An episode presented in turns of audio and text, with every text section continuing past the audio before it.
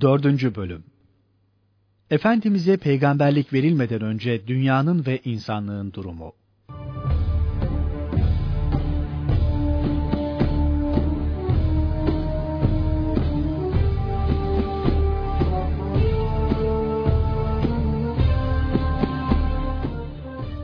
Kainatın efendisine risalet vazifesi verilmeden önce insanlığın ve dünyanın manevi çehresini tanımak ve bilmekte fayda vardır. Ancak o zaman Resulullah'ın insanlığı nasıl dini, ruhi, fikri, içtimai ve siyasi bir karanlık ve sapıklık içinden kısa zamanda çekip çıkardığını anlayabiliriz. Miladi 6. asır sonraları. Bu zaman insanlık aleminin üzerine küfür, dalalet ve ahlaksızlık kabusunun olanca kasvetiyle çöktüğü ve onu boğmaya var gücüyle çalıştığı bir asırdır. O gün için dünya üzerinde göze çarpan mühim devletler şunlardı. Bizans, İran, Mısır, Hindistan, İskenderiye, Mezopotamya, Çin vesaire.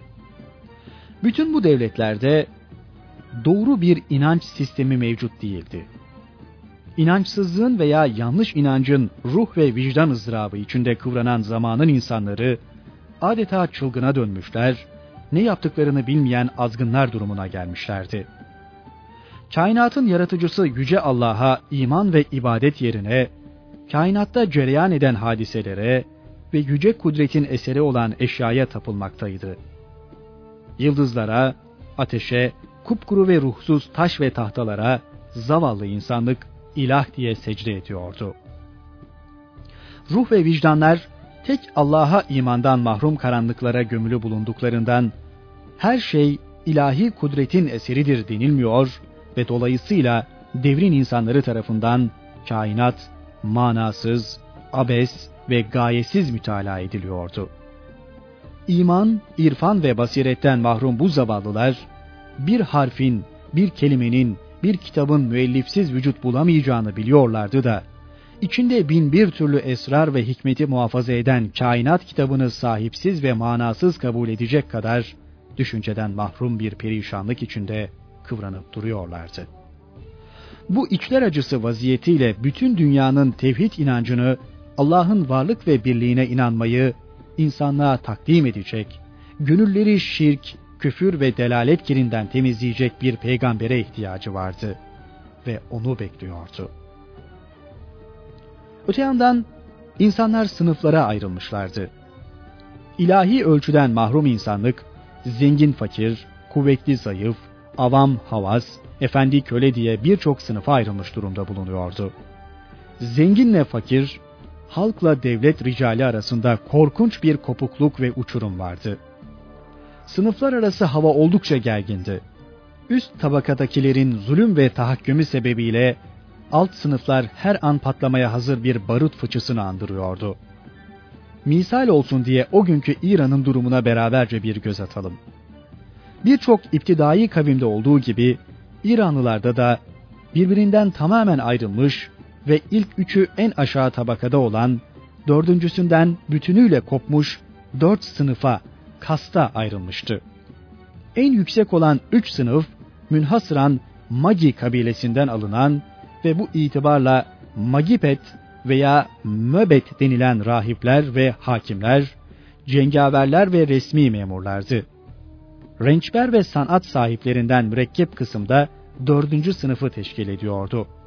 Sözde halk denilen zümre ise hür şehirlerden ve toprağa bağlı esir ve kölelerden mürekkepti ve bu sonuncuların vazifeleri hiçbir mükafat ve ücret karşılığı olmaksızın tarlalarda veya orduda çalışmaktı. Bunlar tamamıyla kendi hallerine terk edilmiş, aşılmaz manialarla ayrılmış oldukları, mal ve mülkünden serbestçe faydalanan, dehkanlığa yani şehirliliğe bile yükselmeyi ümit edemezlerdi. Doğu Roma İmparatorluğu'nun hali daha da acıklı ve ibretliydi. Halk kendiliğinden birçok tali sınıfa ayrılmıştı. Bunlar birincisi ne orduya alınan ve ne de herhangi bir çeşit ticarete girişebilen toprak sahiplerinden mürekkep Kürül denilen sınıf. İkincisi İran'daki benzerleri gibi toprak sahibi olmayan, nüfus vergisi veren, babadan oğula intikal eden muhtelif loncalara bağlı vergi veren halk, üçüncüsü askeri sınıftı. Bu konu üzerinde bir yazarın dediği gibi, toprağı eken çiftçiler, saray halkını doyuran ve giydiren birer aletten başka bir şey değildi. Orta Doğu'nun hatırı sayılır bir tarihçisi olan Finlay, Doğu Roma'nın, Bizans'ın o zamanki perişan durumunu bakınız nasıl hülasa eder. Justinian'in ölümüyle Muhammed'in doğumu arasında geçen zaman zarfında olduğu gibi belki tarihin hiçbir devrinde ahlakı bu derece kadar bozulmuş bir cemiyet ve o cemiyette Yunanlılar ve Romalılar kadar irade ve faziletten mahrum milletler görülmüş değildir. Avrupa'da halk aristokratların, şövalyelerin, kilise adamlarının zalim elinde, kralların, barbarların şefkatsiz pencereleri arasında ruhsuz bir eşyadan, dilsiz bir hayvandan farksızdır. İstenildiği zaman alınır, arzu edildiği zaman da satılırlardı. İtiraza hiçbir hakları yoktu. Satılan köle durumuna girerdi. Köle olmasa bile efendisinin dizi dibinden ayrılma güç ve kuvvetinin sahibi bulunmayan birer hizmetçi olurlardı. Hiç kimse efendisini beğenmemek hakkına sahip olmadığı gibi efendisini seçmek yetkisine de malik değildi. Sadece şu vardı. Bazı barbar memleketlerde hizmetçi ilk efendisine muayyen bir kurtuluş akçesi vermek suretiyle bir başka kapıya kendisini atabiliyordu. Bu onlar için haliyle büyük bir lütuftu. Hülasa Arabistan Yarımadası'nın dışındaki diğer bütün devletlerde de insanlar birbirlerine kinle, nefretle, vahşetle bakan sınıflara ayrılmışlardı. Bu perişan durumda bulunan dünyanın insanın yeryüzünde Allah'ın en kıymetli mahluku olduğunu, insanların tek babadan geldiklerini ve dolayısıyla bir tarağın dişleri gibi hepsinin belli haklara aynı nispette sahip olma hürriyetini doğuştan beraberinde getirdiklerini ilan edecek, insanlar arasındaki kin, nefret ve düşmanlığı sevgiye, saygıya ve dostluğa dönüştürecek büyük bir peygambere ihtiyacı vardı. Hal diliyle adeta bu büyük peygamberin bir an evvel gelmesi için yalvarıyor, yakarıyordu. Diğer yandan kölelik bir müessese olarak mevcuttu. İnsan mükerrem ve muhteremdir. Bunu takdir edebilmek ise ancak gerçek bir iman sayesinde mümkündür.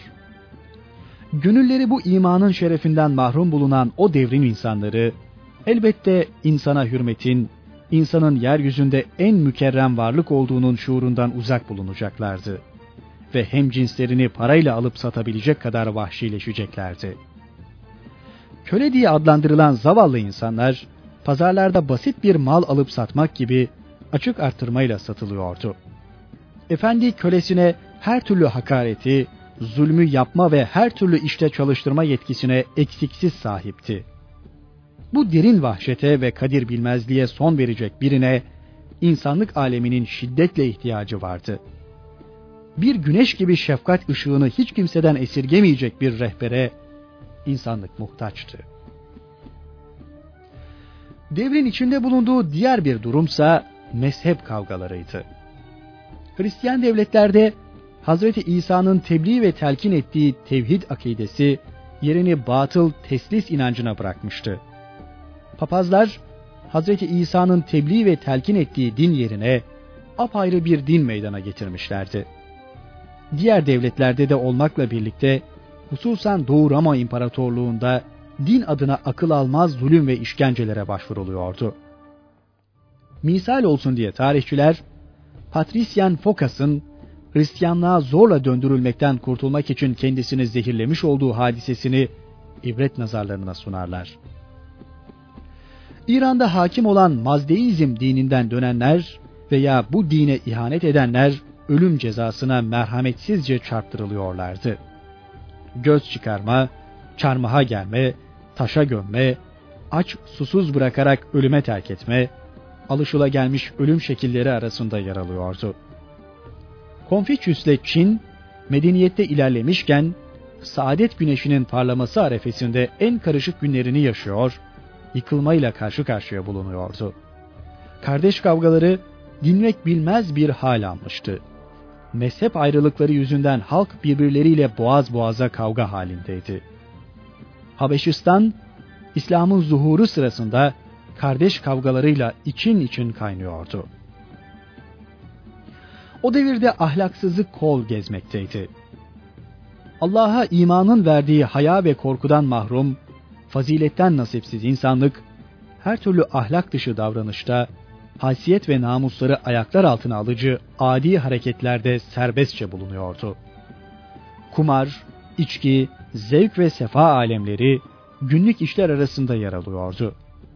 Ardı arkası kesilmeyen öldürme, zina, gasp ve baskın olayları insanlık denilen kutsi ve ulvi manayı adeta yeryüzünden silip süpürmüştü.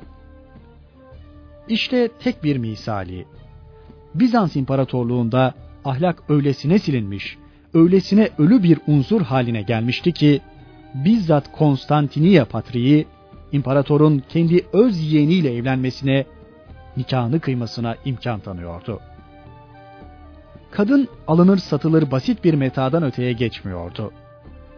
Evet, milattan sonra 6. asır sonları, 7. asrın başları işte böylesine bir vahşet, inkar, şirk, cehalet ve zulüm asrı durumundaydı. Her türlü anarşi, inançsızlık, sapık inanç çeşitleri, sefaatin her türlüsü en yoğun bir tarzda bu asırda hükmünü icra ediyordu. İnsanların yaratılışından bu yana dünya belki böylesine bir sapıklığa, ahlaksızlığa, vahşet ve dehşete şahit ve sahne olmamıştı. Manevi rehberden mahrum insanlık, avare su gibi taştan taşa başını vuruyor, her vuruşta kalp, ruh, vicdan ve haysiyetinden bir şeyler kaybediyordu. Çaldığı bütün beşeri kapılar derdine çare olamayacaklarını söylüyor ve yüzüne kapatılıyordu. Gerçek yaratıcı yüce Allah'ı bilmemiş, tanımamış ve onun peygamberi vasıtasıyla çizdiği asli gayeyi bulamamış yeryüzü insanları adeta birer canavar hüviyetine bürünmüşlerdi. Her an başkasını yutmaya hazır canavarlar misali, yeryüzünü saldırganlıkları, zalimlikleri, vurup öldürmeleriyle kana bulamışlar, her tarafta anarşi ve huzursuzluk rüzgarını estiriyorlardı. İnsanlık yetim kalmıştı. Kainat yaslıydı. Yeryüzü bir matem meydanını andırıyordu. Herkes birbirine düşman, her şey manasız, ruhsuz, gayesiz telakki ediliyordu.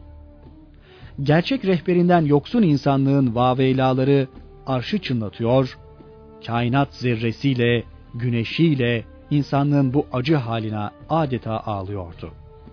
Hülasa bütün dünyayı kesif bir şirk, cehil, küfür, zulüm ve ahlaksızlık bulutu kaplamış bulunuyordu. Bunun taptaze, manevi bir güneşin gözler, ruhlar, vicdanlar kamaştıran eşsiz ışıklarıyla bir kere daha yırtılması, dünyanın bir kere daha aydınlığa kavuşması gerekiyordu.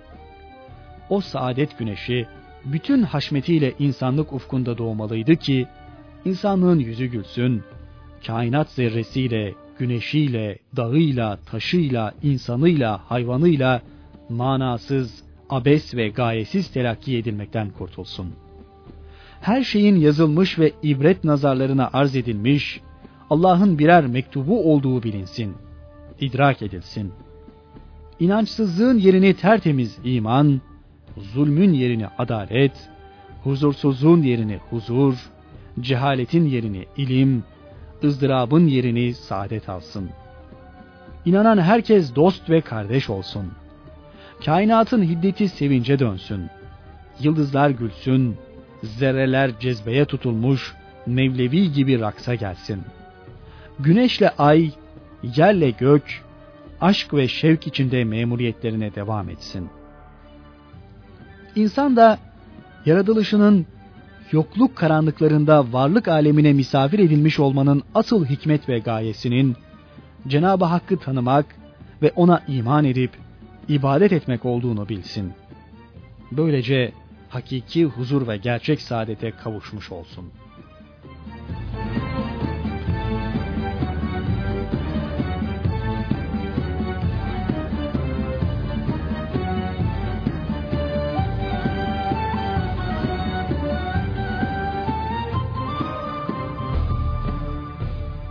Arabistan'ın durumu Dünya haritası üzerinde siyasi, coğrafi ve ticari açıdan mühim bir yer işgal eden Arabistan'ın da diğer dünya ülkelerinden farklı bir tarafı kalmamıştı.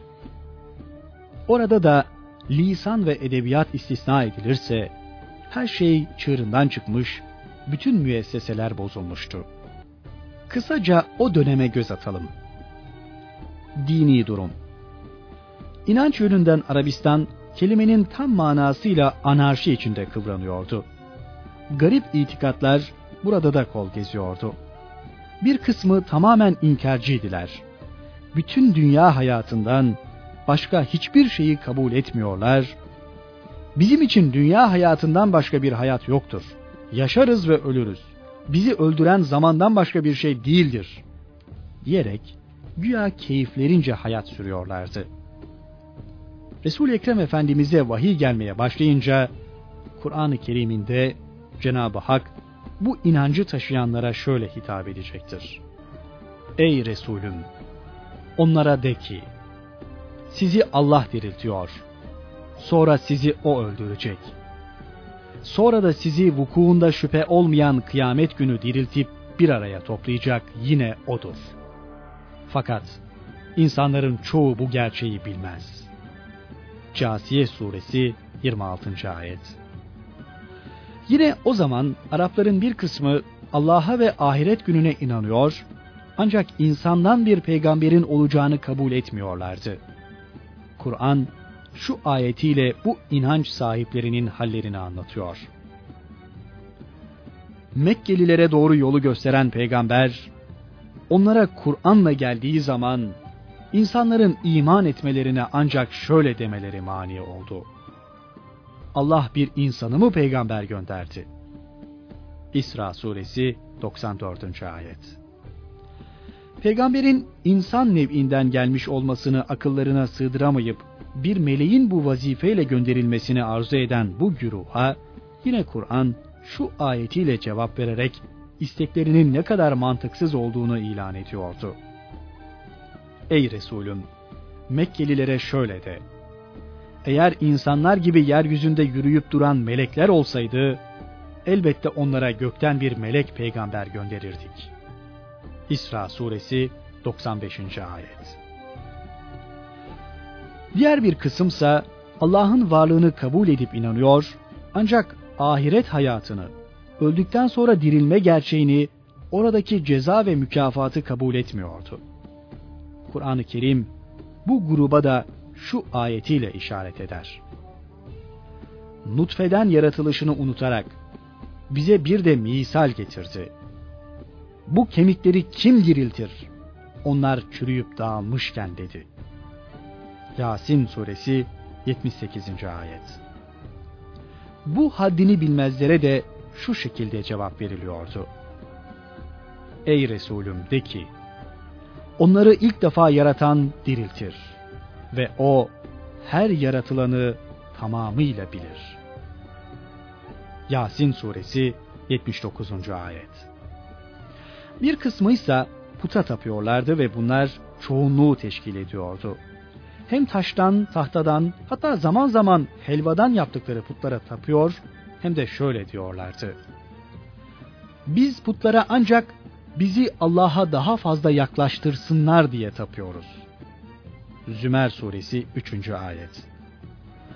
Evet, Arapların ekserisi taştan, tahtadan, zaman zaman sefere çıkarken de helvadan yaptıkları putlara tapıyor, onlardan medet ve yardım umacak kadar zavallı bir vaziyete düşmüş bulunuyorlardı.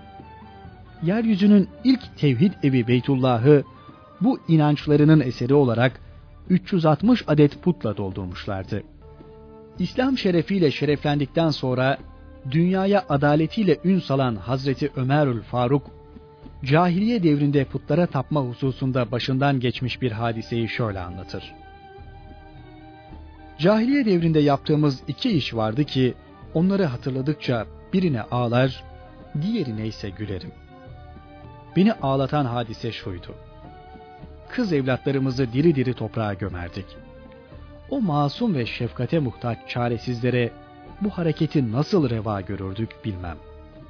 Bunu hatırladıkça kalbim parçalanır ve ağlamaktan kendimi alamam. Beni güldüren hadiseye gelince, cahiliye devrinde evlerimizde putlar vardı. Bir yolculuğa çıktığımız zaman o putların bir suretini undan veya helvadan yapar, yolculuk esnasında onlara tapar ve hürmet gösterirdik. Yol uzayıp acıktığımızda ise az evvel hürmet ettiğimiz, taptığımız helvalardan putumuzu alır yerdik. Bundan daha gülünç bir hadise var mı? Bunu hatırladıkça da cahiliye zamanında ne kadar akıl dışı işler yaptığımızı anlar ve gülerim. Bütün bunlar yanında Arabistan'da Hazreti İbrahim'in tevhid dininin izlerine de rastlanıyordu. Gaflete ve aradan uzun zaman geçmesine rağmen silinmeyen bu dini izlerle amel edenlere Hazreti İbrahim'e nispetle Hanifler denilirdi. Zira Kur'an-ı Kerim'de Hanif tabiri Hazreti İbrahim için kullanılır. İbrahim ne Yahudiydi ne de Hristiyan. O Hanif Müslümandı. Ali İmran suresi 67. ayet. Hanifler diye anılan bu insanlar putlara nefret besler, Allah'ın varlık ve birliğine inanırlardı. Nitekim putlardan birinin şerefine kurulan bir panayırda Varaka bin Nevfel, Ubeydullah bin Cahş, Osman bin Hüveyris, Zeyd bin Amr adındaki şahıslar hadizatında cansız, dilsiz, sağır, zarar veya menfaat vermekten mahrum bir takım putlara secde edip hürmet göstermeyi zilet saymışlar ve bunu açıkça ilan etmişlerdi. Yine akıl ve fikirlerini çalıştırarak bir takım cansız putlara tapmanın manasızlığını idrak edip bu batıl itikada karşı mücadele verenler de vardı. Taif halkının reisi ve Arap'ın meşhur şairlerinden Ümeyye bin Ebi Salt. Bunlardan biri bu zattı. Bu zat cahiliye devrinde mukaddes kitapları okumuş, putperestliği terk ederek Hazreti İbrahim'in dinine girmişti. Bismike Allahümme tabirini ilk defa bu şair bulmuştu. Sonra bu tabir Arapların hoşuna gitmiş ve kitaplarının evveline de yazmaya başlamışlardır. Şiirlerinde bir peygamberin lüzumundan bahseder, insanlık için nübüvvetin kat'i bir ihtiyaç olduğunu beyan ederdi. Araplardan bir peygamberin zuhur edeceğini, geçmiş mukaddes kitaplardan öğrendiği için o makamı kendisi arzu ediyordu. Buna binaendir ki, Efendimiz'e risalet vazifesi verilince, haset ve kıskançlığının esiri oldu ve onu tasdik etmedi. Hatta Bedir muharebesinde öldürülen müşrikler için mersiyeler söyledi. Hicretin ikinci senesinde iman etmeden ölen Ümeyye hakkında Hazreti Resul-i Ekrem'den birkaç hadis de rivayet olunmuştur. Efendimiz bir gün terkisinde Şerit bin Süveyd ile gidiyordu. Sahabiye, Ümeyye'nin şiirlerinden bir şey biliyor musun diye sordu. Evet biliyorum cevabında bulunan sahabi, arkasından da Ümeyye'nin şiirinden beyitler okudu. Okunanları pek beğenen Efendimiz, şeritten biraz daha okumasını istedi. Sahabi kasideyi okuyup bitirdi. Bunun üzerine Resul-i Ekrem şöyle buyurdular. Ümeyye Müslüman olmaya yaklaşmıştır. Bir diğer rivayete göre ise Ümeyye'nin şiiri iman etmiş fakat kendisi dalalette kalmıştır buyurdular.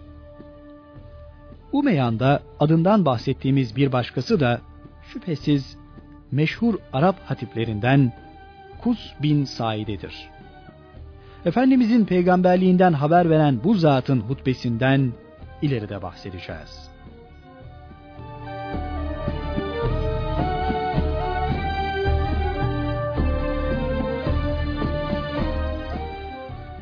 Mekke'ye ilk defa put getirmenin de hikayesi vardır. Amr bin Luhay, şehire ilk defa putu getirip halkı putlara tapmaya teşvik eden adamdır. Amr, Şam'a gittiği bir sırada Maab denilen bir yere de uğrar ve burada Hz. Nuh'un sülalesinden bir kabilenin putlara taptığını görür. Bunların ne işe yaradığını, niçin kendilerine taptıklarını sorunca da bunlardan yardım isteriz, yardım ediliriz. yağmur isteriz, yağmura kavuşuruz cevabını alır. Bunun üzerine Amr, Mekke'ye götürmek için bir put ister. İsteğini kabul ederler ve kendisine Hübel adını taşıyan putu verirler. Amr, Hübel'i Mekke'ye getirir ve diker. Halkı bu puta tapmaya teşvik eder. Cahil halk bu teşvike kapılarak Hübel'e tapmaya başlar. İşte Mekke'ye ilk defa put getirme ve burada puta tapma hikayesi böyle başlamış oldu. Bundan sonra putperestlik Mekke'de yayılmaya başladı. Her kabilenin de kendisine ait putları vardı. Kureyş en büyük put olarak Uzza'yı kabul eder ve ona hürmet ederdi. Evs ve Hazreç kabilelerinin taptığı put Menat adını taşıyordu. Bu put Mekke ile Medine arasında Müşellel denilen yerde bulunuyordu. Sonraları bu iki kabile Menat'tan başka Lat ve Uzza putlarına da tapmaya başlamışlardı. Kelp kabilesinin putu Veddi ve Dumetul Cendel denilen mevkide bulunuyordu. Huzeyl kabilesi Suva putuna tapar ve bu put Gatafan mevkiindeydi. Hemdan kabilesinin bir kolu olan hayvan boyu Yauk putuna tazim ederdi. Bu put Hemdan civarında bulunuyordu. Tay ve Meshiç kabilelerinin putu Yavuz idi. Himyerililerinki ise Nesr. Bekr oğulları ve Kinane kabilelerinin putuysa Sad'dı. İşte az önce saydığımız kabileler adlarını verdiğimiz bu putlara tapar, onlardan yardım diler, yağmur ister, zafer talep ederlerdi. İtikatlarınca cansız, ruhsuz, taştan veya ağaçtan olan bu cisimler, isteklerini yerine getirme güç ve kuvvetinin sahibi bulunuyorlardı. Halbuki her aklı başında insan bilir ve kabul eder ki, cansız, ruhsuz cisimlerden insana ne zarar gelir ne de fayda. Onlarda insana yardım edecek ne güç vardır ne de kuvvet. Ne var ki o zamanın Arapları bu gerçeği düşünemeyecek kadar muhakemeden mahrum bulunuyorlardı. İşte Allah Resulü Hazreti Muhammed sallallahu aleyhi ve sellem inanç yönünden böylesine cehalet ve dalalet içinde kıvranan bu insanları ilim ve hidayet nuruyla kurtarmaya geliyordu.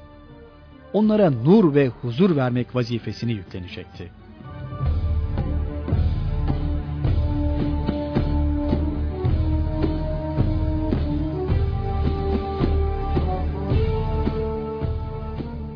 Arabistan'da ahlaki durum.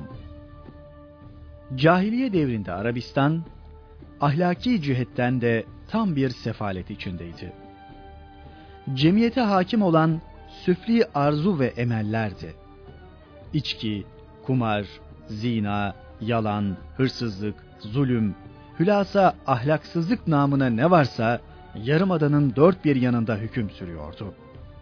Zulüm güçlünün güçsüze karşı kullandığı en amansız bir kırbaçtı. Kuvvetli olan aynı zamanda haklıydı. Kuvvetli olan zayıf ve güçsüzlere istediğini zorla yaptırabiliyordu. İnsana ve onun hayatına bir sinek kadar bile önem verilmiyordu. Yapılan baskınlarla yakalanan insanlar işkenceler altında inim inim inletilerek öldürülüyorlar veya pazarlarda basit bir mal gibi köle olarak satışa çıkarıyorlardı.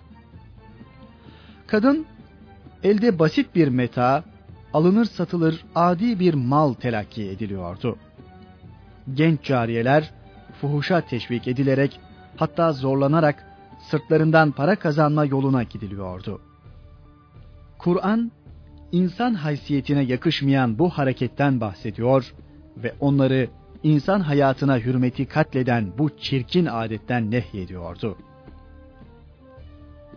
Dünya hayatının geçici menfaatini kazanacağız diye cariyelerinizi fuhuşa zorlamayın.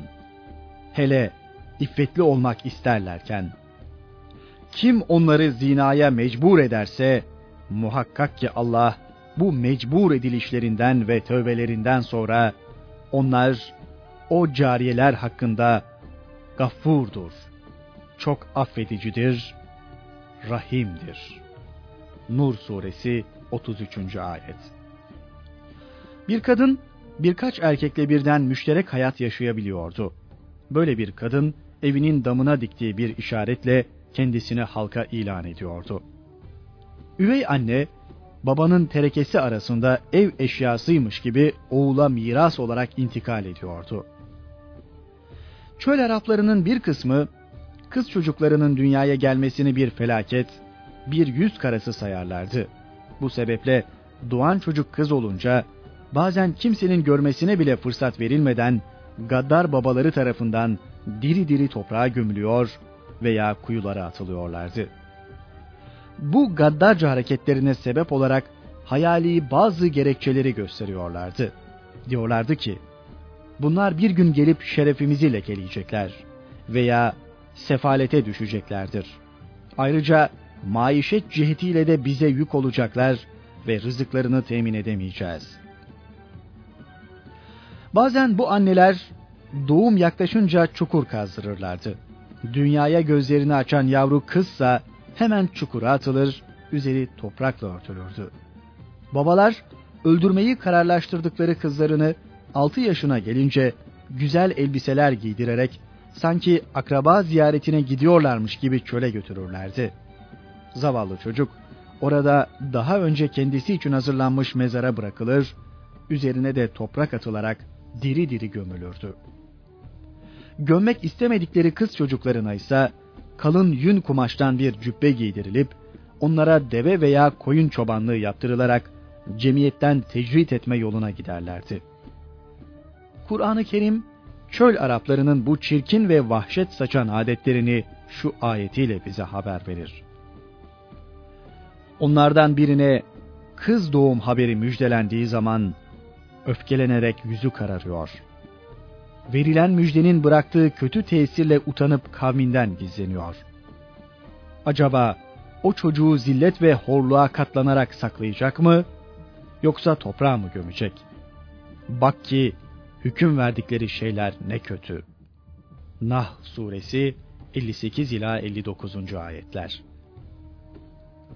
Cahiliye zamanında bu çirkin adete tevessül etmiş biri bilahare İslamiyetle müşerref olduktan sonra gözyaşları arasında Resulullah'a bu durumunu şöyle anlatmıştı. Ya Resulullah, biz cahiliye devrini de yaşamış insanlarız. Putlara tapar, çocuklarımızı öldürürdük. Benim de bir kızım vardı. Çağırdığım zaman yanıma sevinçli sevinçli gelirdi. Bir gün yine onu çağırmıştım. Koşarak geldi. Arkama düştü. Kendisini evimizden pek uzak olmayan bir kuyumuza götürdüm. Elinden tutup kuyuya atıverdim. Onun bana son sözleri şu oldu. Babacığım, babacığım. Kainatın efendisi tasvir edilen vahşetengiz manzara karşısında kendisini tutamamış ve ağlamıştı. Öyle ki mübarek gözlerinden akan yaşlar sakalını ıslattı. Sonra da şöyle buyurdular. Şüphesiz Allah yeniden yapmadıkça cahiliye icabı olarak yaptıklarınızı orada bırakır. İslamiyet devrine geçirmez. İşte o zamanlar şefkat ve merhamet denilen yüce hasletler ruh, kalp ve vicdanlardan böylesine sökülüp atılmıştı. Zaten kainat sultanına gerçek imanın bulunmadığı bir kalpte, o sultandan korkunun bulunmadığı bir vicdanda, şefkat, merhamet ve faziletin yeri olamaz ki.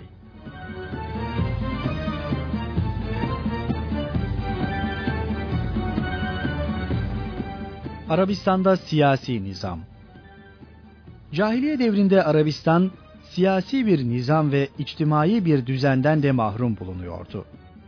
Ahalinin ekserisi göçebe hayatı yaşıyordu. Kabilelere bölünmüşlerdi. Kabile, içtimai düzenlerini kendi aralarında temin eden bir toplumdur. Bu göçebeler devamlı surette birbirleriyle çekişme halindeydiler. Her an başkasına saldırmaya, malını talan etmeye, namusunu lekelemeye hazır bir hayat tarzı içinde bulunuyorlardı. Baskın ve yağmacılığı adeta kendileri için bir geçim vasıtası kabul etmişlerdi.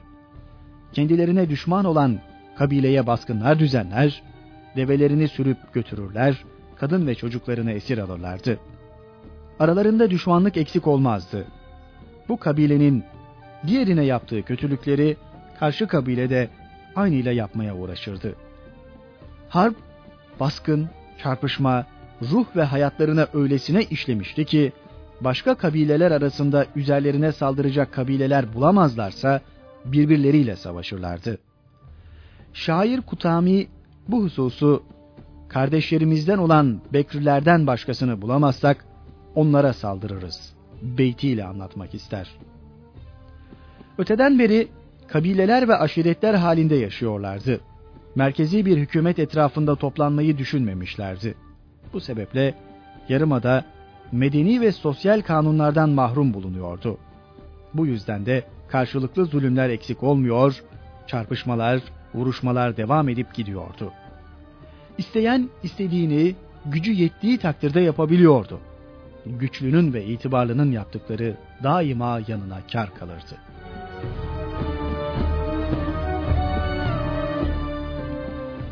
Arabistan'da edebi durum.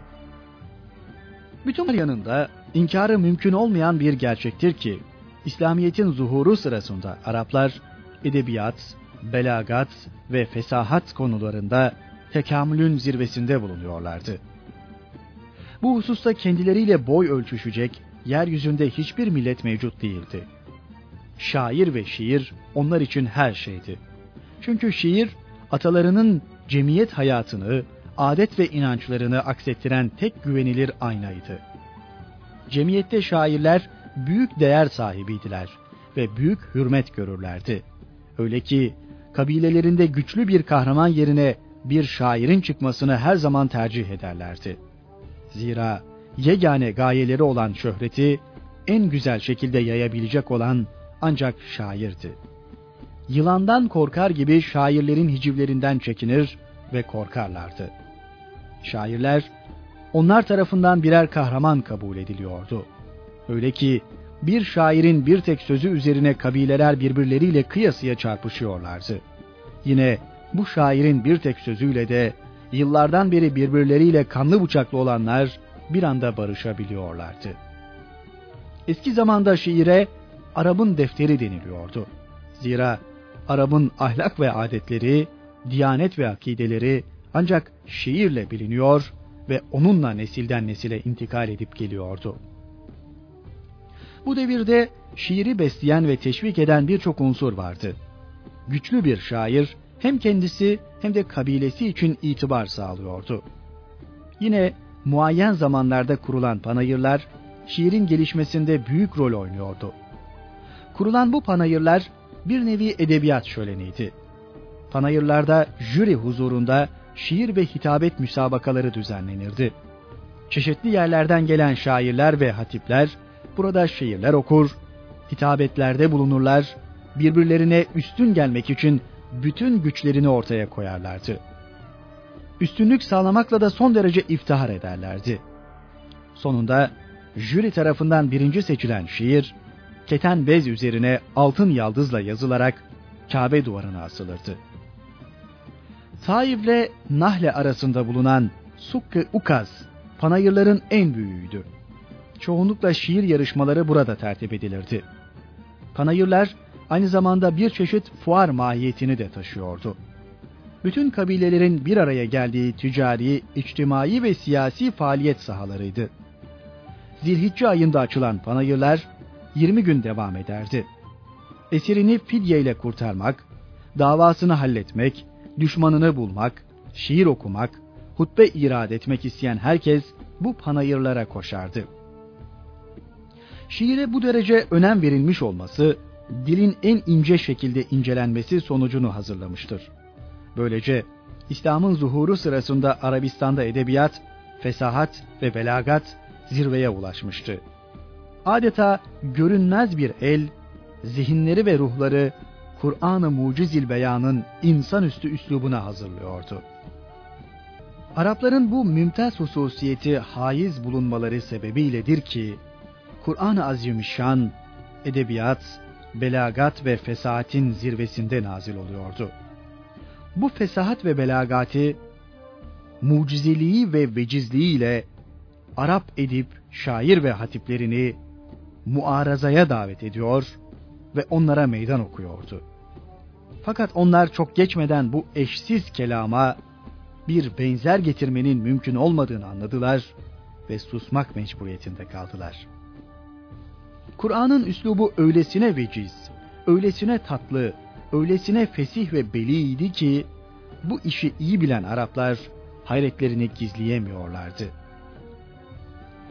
İşte Efendiler Efendisi Hazreti Muhammed'e peygamberlik vazifesi verileceği sırada Arabistan'ın dini, ahlaki, siyasi, içtimai ve edebi manzarası böyleydi.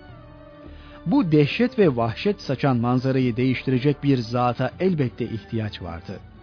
O zat da ezeli kaderin hükmüyle tespit edilmişti. Hazreti Muhammed sallallahu aleyhi ve sellem. O, beraberinde getirdiği nurla dünyanın maddi manevi şeklini değiştirecekti. İnsanların yüzlerini dünyadan ahirete, fani sevgilerden mahbubu bakiye çevirecek ve bununla insanı maddi manevi saadete erdirecekti. Allah tarafından peygamber olarak vazifelendirilecek olan bu zat, insanların başıboş olmadığını, kainatta atomdan güneş sistemlerine, yıldızlardan galaksilere kadar her şeyin kutsi bir gaye için dönüp dolaştıklarını, kainatın umum heyetiyle ulvi bir maksada hizmet ettiğini bildirip ilan edecek olan zattı. Bu zat, ahlaksızlık çamurunda boğulmaya yüz tutmuş insanlığı en güzel ahlakı ders verecek, kurtaracak zattı. Bu zat, kainat niçin var edilmiş, insanlar nereden gelmiş, niçin gelmiş ve nereye gidecekler gibi suallere en güzel cevapları verecek zattı. Bu zat, insanın sahibi Allah'ın insanlardan neleri istediğini, razı olduğu ve olmadığı şeylerin neler olduğunu gayet açık bir şekilde beyan edecek zattı. Bu zat, yalnız bir kavme, bir millete değil, bütün insanlığa Allah'tan aldığı emirleri bildirecek, ilan edecekti. İşte bütün dünya gibi Arabistan Yarımadası da böylesine büyük vazifeleri yerine getirecek zatın ortaya çıkmasını dört gözle bekliyordu.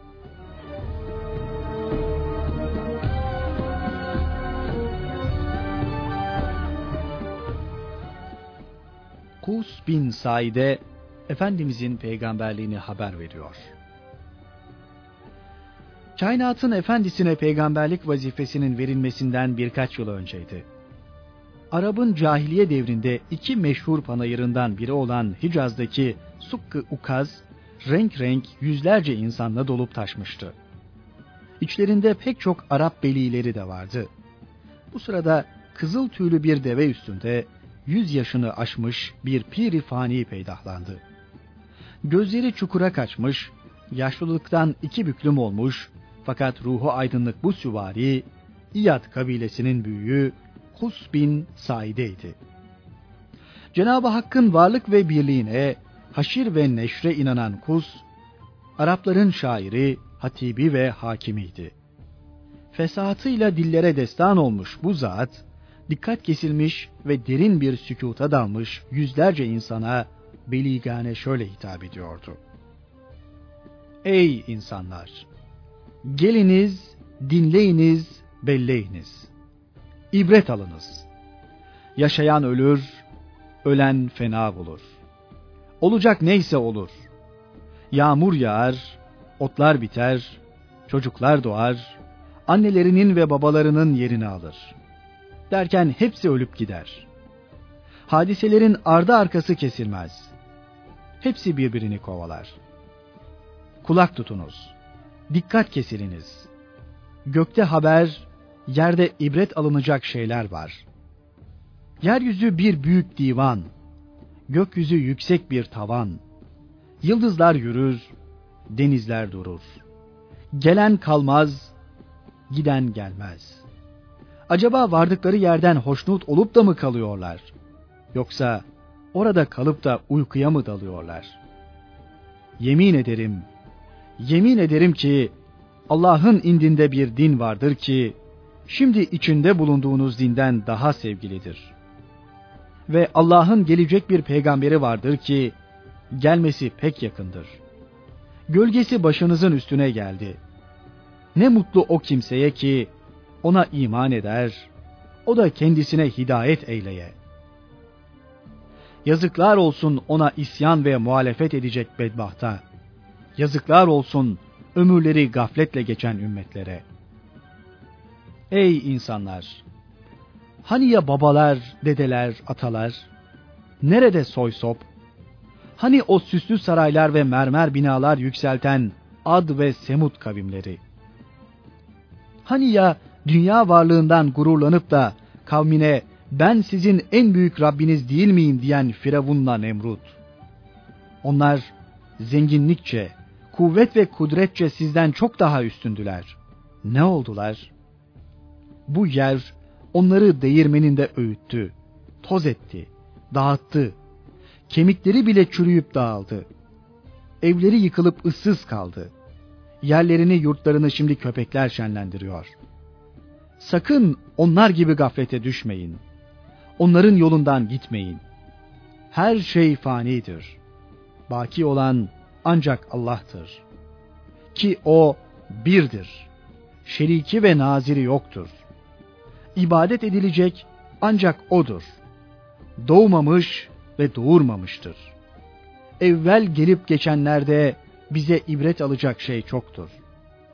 Ölüm bir ırmaktır. Girecek yerleri çok ama çıkacak yeri yoktur. Büyük küçük hep göçüp gidiyor. Giden geri gelmiyor.'' kat'i bildim ki herkese olan size ve bana da olacaktır. Gariptir ki bu muazzam hitabesini verip Hatemül Enbiya'nın pek yakında geleceğini haber veren Kus bin Said'e o anda kendisini dikkatle dinleyenler arasında geleceğinden söz ettiği zatın bulunduğundan habersizdi. Cahiliye devrinde Cenab-ı Hakk'ın kalplerine hidayet ihsan ettiği bahtiyarlardan biri olan Kus bin Saide'nin bu hitabesinden az zaman sonra kainatın efendisine nübüvvet ve risalet geldi. Fakat Kus bu sırada hayata gözlerini yummuştu. Haliyle pek yakında geleceğini müjdelediği Efendimizle görüşmek kendisine nasip olmadı. Aradan yıllar geçti. Beni İyad'ın müvahhid ve Hazreti İsa'nın dinine mensup bulunan büyüğü Carut bin Ala adındaki zat, kavminin ileri gelenleriyle birlikte vasıflarını öğrenmek üzere Resulullah Efendimizin huzuruna vardı. Peygamber Efendimiz'e ne ile gönderildiğini sorup öğrendikten sonra, seni hak peygamber olarak gönderen Allah'a yemin ederim ki, senin vasfını İncil'de buldum. Seni Meryem'in oğlu müjdeledi sana devamlı selam olsun ve seni gönderen Allah'a da hamd olsun. Elini uzat. Ben şehadet ederim ki Allah'tan başka ilah yoktur ve sen Allah'ın Resulüsün. Diyerek Müslüman oldu. Onu takiben de diğer arkadaşları İslamiyet'e girdiler. Bu durumdan fazlasıyla memnun olan Fahri Kainat Efendimiz sordu. İçinizde Kus bin Saide'yi bilen var mı? Carut, Elbette ya Resulullah dedi. Hepimiz onu biliriz. Hususan ben hep onun yolundan gidenlerdenim. Bunun üzerine Resul-i Zişan Efendimiz şöyle buyurdular. Kus bin Saide'nin bir zamanlar Sukk-ı Ukaz'da bir deve üzerinde yaşayan ölür, ölen fena bulur, olacak neyse olur diye okuduğu hutbesi hiç hatırımdan çıkmaz. O bir hayli söz daha söylemişti. Zannetmem ki hepsi hatırımda kalmış olsun. Mescitte hazır bulunan Hazreti Ebu Bekir atılarak, Ya Resulullah dedi. Ben de o gün Suk Ukaz'da hazırdım. Kus bin Said'in söylediği sözler hep hatırımdadır.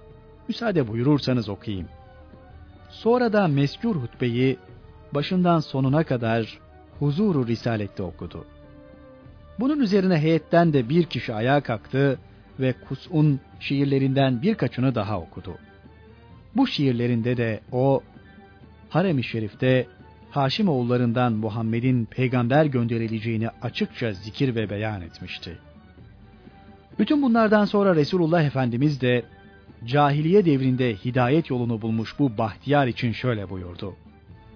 Ümid ederim ki Cenab-ı Hak kıyamet gününde Kus bin Saide'yi ayrı bir ümmet olarak haşreder.